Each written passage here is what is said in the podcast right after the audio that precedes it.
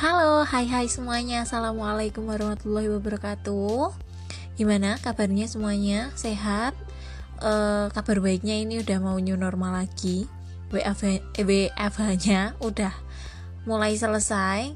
Udah kembali lagi seperti semula Tapi harus tetap waspada dan juga tetap hati-hati. Uh, Karena udah mau new normal lagi hari ini aku mau share juga. Maaf banget karena beberapa minggu terakhir aku nggak share-share lagi karena kemarin lagi repot mau repot isolasi sih sebenarnya. Repot karena uh, pindahan juga. Jadi hari ini aku mau sharing sama kalian semuanya tentang kenapa sih ibu hamil harus memberdayakan diri itu. Nah, sebenarnya sih bukan ibu hamil aja ya, tapi juga uh, bapak hamil, suaminya ibu hamil, lalu juga pasangan yang mau program punya anak dan juga mbak-mbak yang mau nikah, mas-mas juga yang mau nikah itu perlu banget yang namanya untuk memberdayakan diri. Karena ini ibaratnya kayak sebuah fase dalam kehidupan kalian semuanya yang harus dilewati gitu loh dan uh, banyak melewatinya gitu. Jadi untuk mencapai hasil yang optimal dan juga maksimal harus memberdayakan diri. Jadi kenapa? Nah, ibu hamil itu kan uh, kurang lebih selama 9 bulan 10 hari. Kalau dihitung harian sekitar 275 hari. Nah, dengan waktu yang lumayan panjang seperti itu, kadang ibu hamil itu terlena. Wah, terlena. Jadi terlena sama uh, panjangnya waktu itu gitu. Dengan terlenanya dia dengan waktu tersebut itu menjadikan dia itu uh, lupa untuk memberdayakan diri. Pas udah waktunya tinggal uh, dua bulan satu bulan mau lahiran dia panik. Nggak tahu mau ngapain nggak tahu apa-apa dan juga nggak mempersiapkan apa pun gitu loh. Lah dengan uh, low knowledge yang pengetahuan yang rendah akan kehamilan nanti proses persalinan seperti apa kayak gitu itu akan menjadikan dia itu do nothing nggak ngelakuin apa-apa gitu loh. Karena nggak ngelakuin apa-apa itu yang bikin ibu hamil bapak hamil itu jadi galau nanti lahiran mau gimana lahirannya di mana prosesnya gimana aku harus ke sana kapan kayak gitu. Jadi uh, bingung sendiri gitu. Karena dia nggak ngelakuin apa-apa jadinya dia ngerasa feel guilty ngerasa nyesel banget. Aku udah udah hamil beberapa bulan tujuh bulan sembilan bulan udah mau lahiran tapi aku nggak tahu apa-apa. Aku nggak nggak eh, nggak uh, latihan apa-apa gitu loh.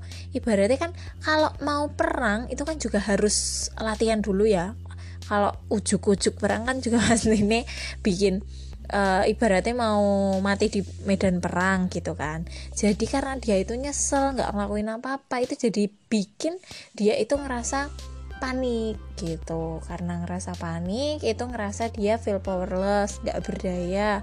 Aku nanti mau lahiran gimana ya jadi stres gitu loh. Karena stres itu menjadikan uh, rasa sakit yang akan dialami itu lebih tinggi karena dia merasa stres gitu. Terus kalau dia ngerasa gak berdaya itu kan menjadikan dia kayak nyerah. Aduh aku nyerah aja. Ini mau lahiran mau gimana? Aku nyerah aku nggak tahu. Aku udah hopeless nggak ada harapan. Wah kalau udah kayak gitu susah. Kalau udah nyerah udah runtutannya yang tadi itu itu bikin dia itu ngerasa trauma lahiran pun juga trauma. Sedangkan persalinan itu sendiri kan sebenarnya pengalaman seumur hidup lah ya. Itu kenangannya akan dibawa sampai seumur hidupnya dia. Dan itu adalah proses di mana eh, nggak uh, cuman ibu aja loh tapi uh, proses perubahan dari seorang uh, perempuan yang menjadi seorang ibu, lalu juga seorang laki-laki menjadi seorang ayah, lalu seorang kakak yang menjadi maksudnya seorang uh, seorang anak yang akan menjadi seorang kakak gitu yang terakhir ya. Nah, itu ibaratnya kalau kita itu nggak memberdayakan diri jadi kenapa ibu hamil harus memberdayakan diri? Karena untuk mencapai uh, sebuah kenangan yang sangat indah yang akan diceritakan berulang pun dia akan merasa tetap menyenangkan gitu kan yang namanya lahiran nyaman dan juga minim trauma itu perlu untuk diperjuangkan ya ibu-ibu semuanya, bapak-bapak juga semuanya. Nah, di sini aku mau menekankan juga kenapa uh, perlu adanya persiapan. Nah, ini dia karena persalinan itu sendiri adalah ibarat lari maraton. Kalau kita lari maraton, itu kan kita pasti akan mempersiapkan diri, baik fisik, mental, cari tahu treknya gimana, apa aja yang harus dibawa kayak gitu kan harus kita mempersiapkan dari jauh-jauh hari.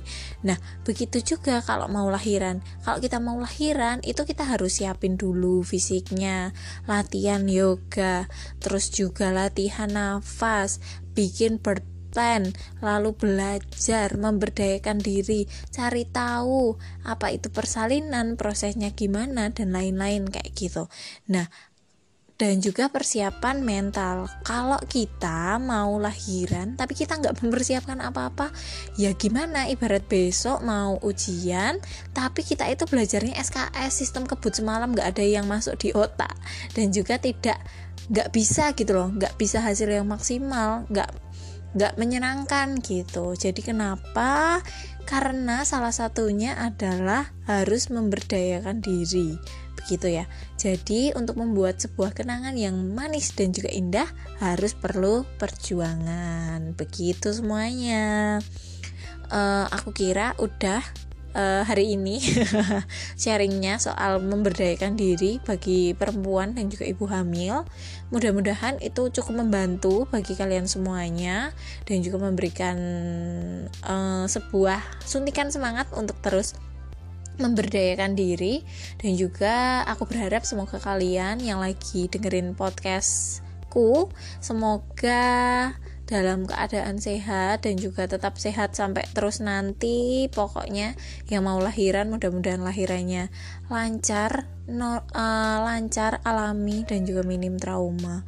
Pokoknya peluk hangat dari bidan widi untuk kalian semuanya. Sampai ketemu di podcast-podcast selanjutnya. See you bye bye